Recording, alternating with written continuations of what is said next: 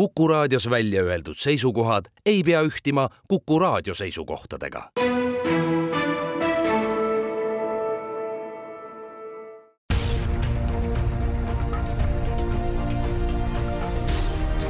uue samba taga.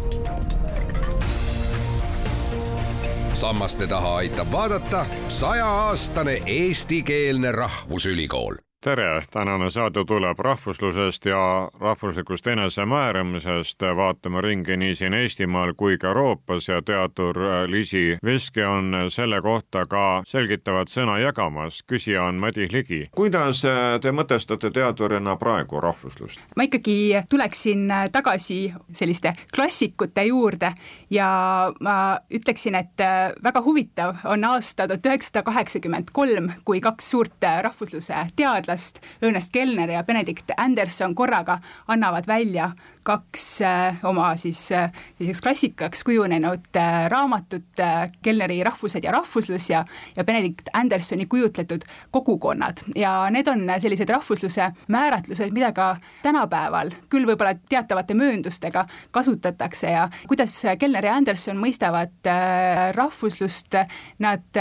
väidavad, et rahvuslus sai tekkida väga konkreetsel sellisel ajahetkel väga konkreetses poliitilises, majanduslikus, ühiskondlikus äh, olukorras, et äh, rahvuslus ei ole mingisugune vana iidne nähtus, vaid see on selline moodne tööstusajastu nähtus. Ja see on äh, näiteks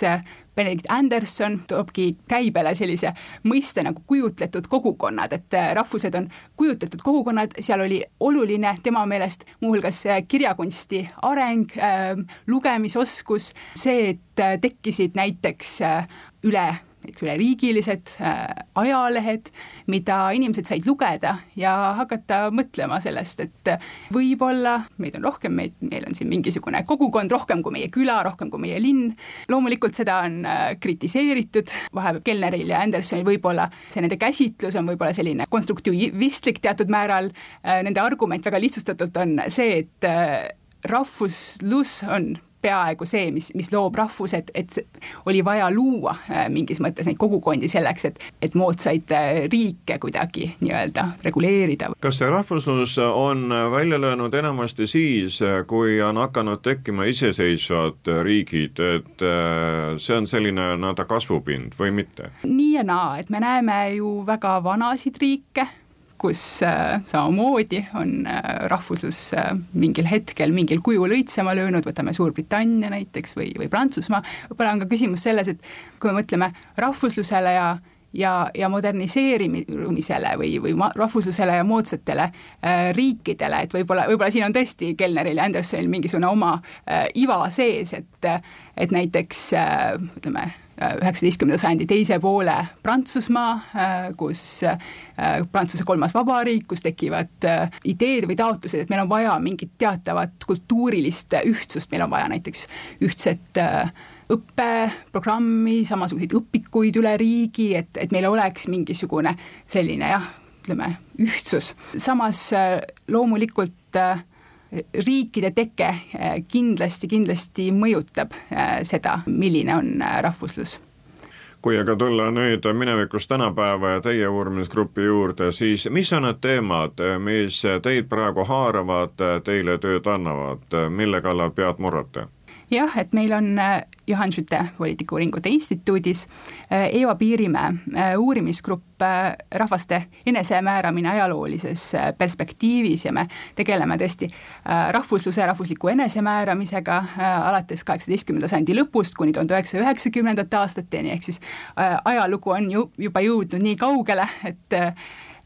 võib tegeleda ka sellise paarikümne aasta taguse äh, perioodiga ja teemad on tõesti äh, väga laiad ja võib-olla, mis meid ühendab lisaks sellele, et me tegeleme rahvusliku enesemääramise ja rahvuslusega, on selline ideede ajalooline või mõttelooline perspektiiv. see tähendab siis seda, et me üritame aru saada, kuidas rahvust, rahvuslust, enesemääramist on mõistetud teatud ajahetkedel erinevate näiteks poliitiliste tegutsejate või ajakirjanike poolt,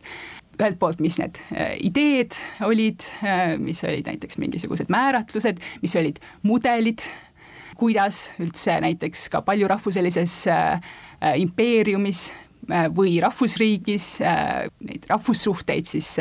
organiseerida, aga teiselt poolt me vaatame muidugi ka just seda, et milline see poliitiline olukord siis ikkagi oli, mitte ideed, mis hõljuvad kusagil juhuslikult, vaid just see, et, et kuidas näiteks needsamad poliitilised murrangud näiteks neid ideid mõjutasid kui me selles plaanis vaatame oma rahva minevikku, siis ilmselt peaksime lätteid otsima Jakobsoni ajast ja siis juba Aleksandri koolid ning laulupeaaeg toob selle rahvusluse esile, kas nii? jah, tõepoolest ja noh, tegelikult võiksime vaadata ka võib-olla varasemat, et kas või seda, kuidas baltisaksa valgustajad on mõtestanud eestlust, eestlasi ja nii edasi, aga loomulikult jah, see äh, üheksateistkümnenda sajandi keskpaiga äh, rahvuslik ärkamine on, on tõepoolest äh, selline oluline murrangu hetk. Ja, ja võib-olla, võib-olla ka järgmine murrangu hetk, kahekümnenda sajandi algus, võib-olla enne seda, näiteks tuhande kaheksasaja kaheksakümnendate algus on selline huvitav ajahetk, et kui me räägime sellest, et millal sõnastatakse esimest korda mingisugune idee Eesti riigist, isegi kui see pole tänane või isegi kahekümnenda sajandi alguse Eesti Vabariik, et siis see on just tuhande kaheksasaja kaheksakümnendate algus. Ähm, Andres Tido oma äh, luuletuses äh, Sõjalaul äh, mainib siis ära, et jah, kirjutab tuhande kaheksasaja kaheksakümne teisel aastal, nagu arvatakse, et nüüd orjaunest ärkame ja ühes sõtta tõttame, sest Priius läigib meie eel ja Eesti Vabariigi peal loomulikult nagu öeldud, et see Eesti Vabariik tõenäoliselt polnud päris see Eesti Vabariik ja ja, ja samamoodi, kui äh, Eesti Rahva saadikud äh, lähevad siis äh, kaheksakümnendate alguses, tuhande kaheksasaja kaheksakümnendate alguses pealinna Peterburgi viima Eesti rahva sellist märgukirja, siis ka seal on tegelikult tugevad sellised poliitilised nõudmised või soovid juba sees just sellel kujul, et soovitakse mingisugust eestlaste territoriaalset, võib-olla isegi, võib-olla isegi autonoomiat, mida iganes see siis tollel hetkel ka ei tähendaks. ja siis, äh, kui me liigume edasi sinna kahekümnenda sajandi päris äh, algusesse, et siis äh, jällegi meile võib-olla tuntud Juhan Liivi soov mingisuguse Eesti riigi järele jällegi ilmselt see polnud see Eesti riik, mis äh, hiljem äh, kujunes, aga mingisugune jällegi vabadus, mingisugune vabaduse äh, soov ja siin taustal ongi jällegi suured poliitilised murrangud, tuhande üheksasaja viienda aasta revolutsioon näiteks, arutelud sellest, et arutelud kodanike vabadustest näiteks. Ja, ja see on väga huvitav jah, see kahekümnenda sajandi algus just,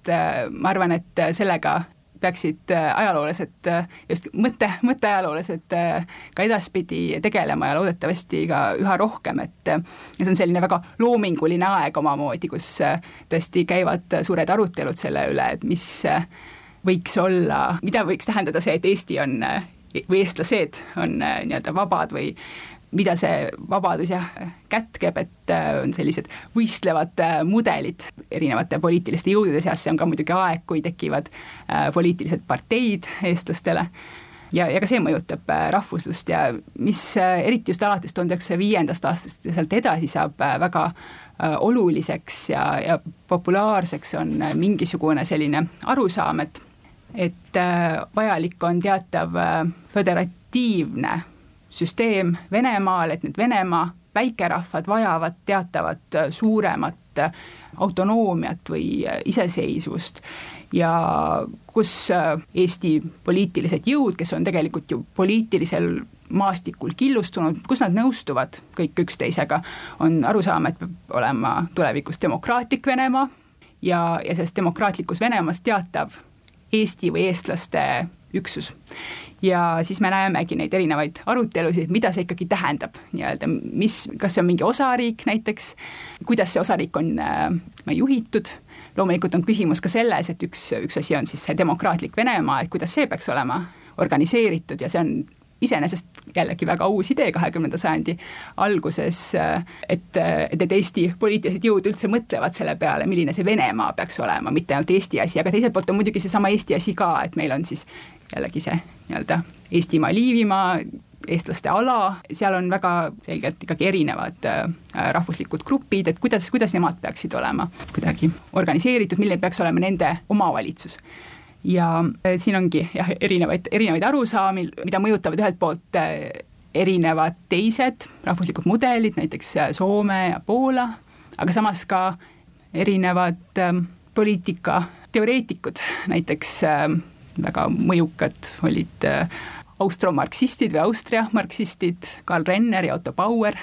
kes tulid oma sellise kultuurilise enesemääramise ideega, ideega sellest, et võib-olla peaks lahutama rahvusmääratluse ja, ja territooriumi, et, et ühelt poolt ongi võib-olla sellised territoriaalsed üksused, aga siis neist sõltumatult eksisteerivad ka teatavad sellised kultuurilised üksused, kellel on samamoodi õigus ennast ise määratleda, oma kultuuri, omakeelset haridust, oma kirjandust arendada.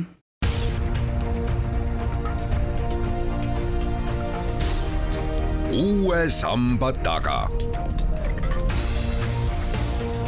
sammaste taha aitab vaadata sajaaastane eestikeelne rahvusülikool Liisi Veski, tuleme nüüd tänapäevale lähemale ning ilmselt on rahvuslus meie rahva ajaloos pead tõstnud just nimelt vabariigi loomese ajal ja ka Pätsi ajal. Te olete ise kirjutanud ka sellest perioodist oma doktoritöö see ongi küsimus, et kuidas me mõistame rahvuslust, et seesama kahekümnenda sajandi algus, äh, rahvuslus on äh, väga, väga tugevalt äh, esil, see on lihtsalt võib-olla selline vormide küsimus ja, ja võib-olla ka rahvuslike ideede küsimus, et näiteks see, et kas on vaja oma iseseisvat rahvusriiki, et rahvus elaks nii-öelda äh, tugevalt ja hästi, et kas või väga jällegi enne, kui sinna kolmekümnendatesse minna, et väga huvitav on minu meelest äh, seitsmeteistkümnes aasta, revolutsiooniline aasta, aga võiks öelda ka, et revolutsiooniline aasta Eesti äh, rahvusluses ja, ja võib-olla sellistes just, just nendes samades enesemääramise ideedes, et ühelt poolt on ikka veel seesama, see mingisugune Eesti osariigi idee tekibki,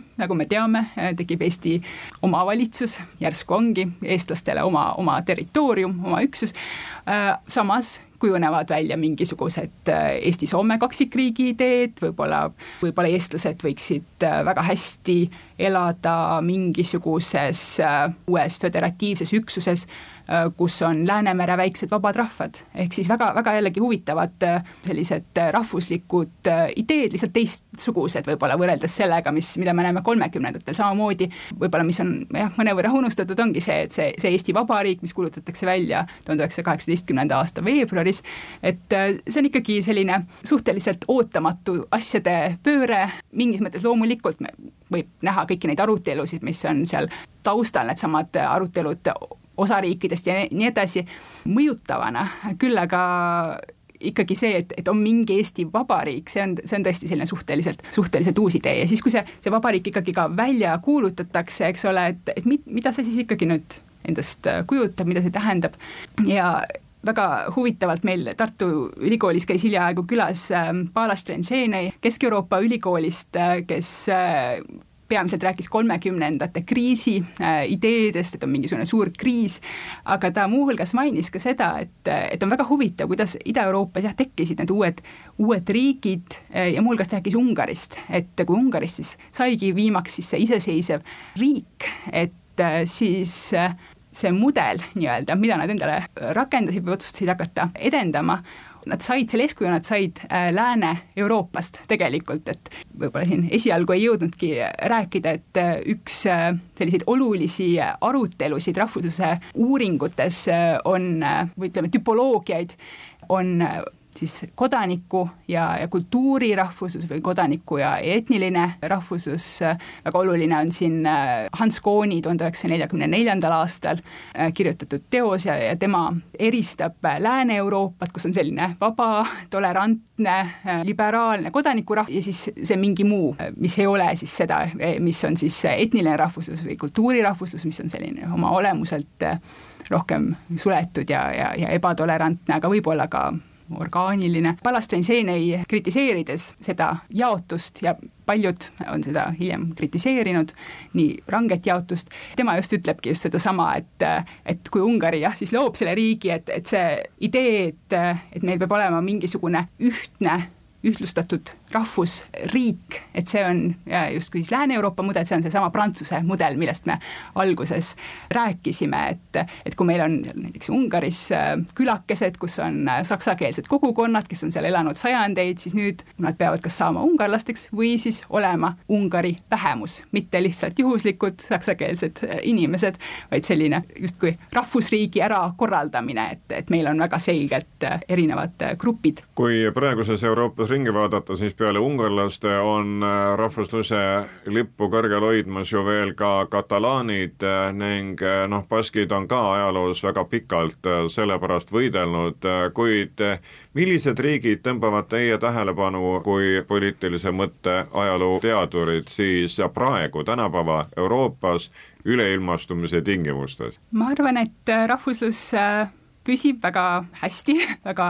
jõuliselt äh, edasi, äh, mingis mõttes see võib-olla tuleb lainetena, minu enda jaoks on väga huvitav äh, Šoti rahvuslus, võiks öelda, et Šoti rahvuslik identiteet on väga elav, ma ise elasin seal päris mitu aastat, ma tegin oma doktorantuuri Glasgow's, ähm, mis on ka üks just selliseid Šoti rahvusluse ja Šoti rahvuspartei tõelisi kantse ja Šoti rahvuslus on selle poolest väga huvitav, et kui me enne rääkisime sellest kultuurilisest ja kodanikurahvuslusest kui mille, mingitest eraldiseisvatest äh, üksustest või äh, omadustest, et siis äh, Šoti rahvusluse puhul me näeme mõlemaid jooni, et ühelt poolt ongi kõik see Šoti kultuur, muusika, võib-olla ka teatavad keelelised nüansid, aga teiselt poolt on šotlased väga, väga avatud, et see viimane avaneb, avaldub väga hästi äh, praeguses uues äh, Šoti rahvuspartei juhis ja, ja esimese ministris, kes on Hamza Yousaf, sündinud Šotimaal, aga Pakistani migrantide peresse, kõlab nagu tõeline glasgowlane, aga selline natuke teistsuguse taustaga, ta on moslem muuhulgas. Ja see on ka huvitav Šoti rahvusliku liikumise puhul, et see püüab olla kõike, mida Inglismaa justkui ei ole, vähemalt nende enda meelest. Ja, ja siin on Brexit muidugi andnud ka kõvasti äh, hoogu, püütakse olla muuhulgas siis just nimelt avatud ja olla Euroopa-meelsed, toetada Euroopa Liitu, kui me ise ka käisin vaatamas Šoti rahvuslaste marsse, need olid eriti elavad seal kahe tuhande üheksateistkümnendal aastal enne äh, koroonapandeemiat, siis äh, lipud, mida võis näha lehvimas, olid just lisaks Šoti lipule, mida võib niikuinii näha Šotimaal väga palju, olid näiteks Euroopa Äh, Liidu lipud, olid ka Katalaani lipud, väga paljud tänased rahvusluse uurijad ka uurivadki äh, just neid Šoti ja, ja Katalaani juhtumeid koos, et, äh, et natukene nähakse neis teatavaid sarnasusi ja, ja tundub ka, et Šotimaal oli selline teatav ühtehoidmise tunne või üksmeel katalaanidega. ja samamoodi ma usun, et võib-olla see Šoti iseseisvusliikumine võib eestlastele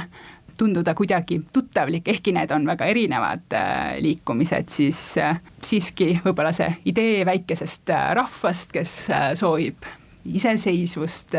võiks olla meile kuidagi tuttavlik, äratuntav. teisalt muidugi võime mõelda selle peale, et et ilmselt ei ole Suurbritannia rüppes elu ikkagi nii väga halb, et äh, nagu öeldud, see rahvuslus ka muuhulgas Šotimaal käib natukene niimoodi, rahvuslik vaimustus käib üles ja alla äh, nagu lainetena, et äh, on näha, et inimesed on natuke väsinud poliitilistest raputustest, seesama Brexiti kogemus on seal taustal ja võib-olla ei ole piisavalt hetkel seda momentumit, et uuesti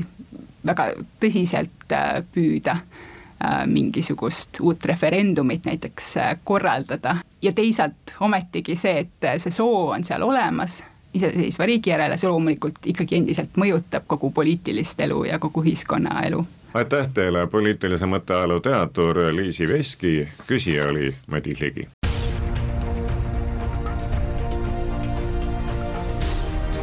uue samba taga.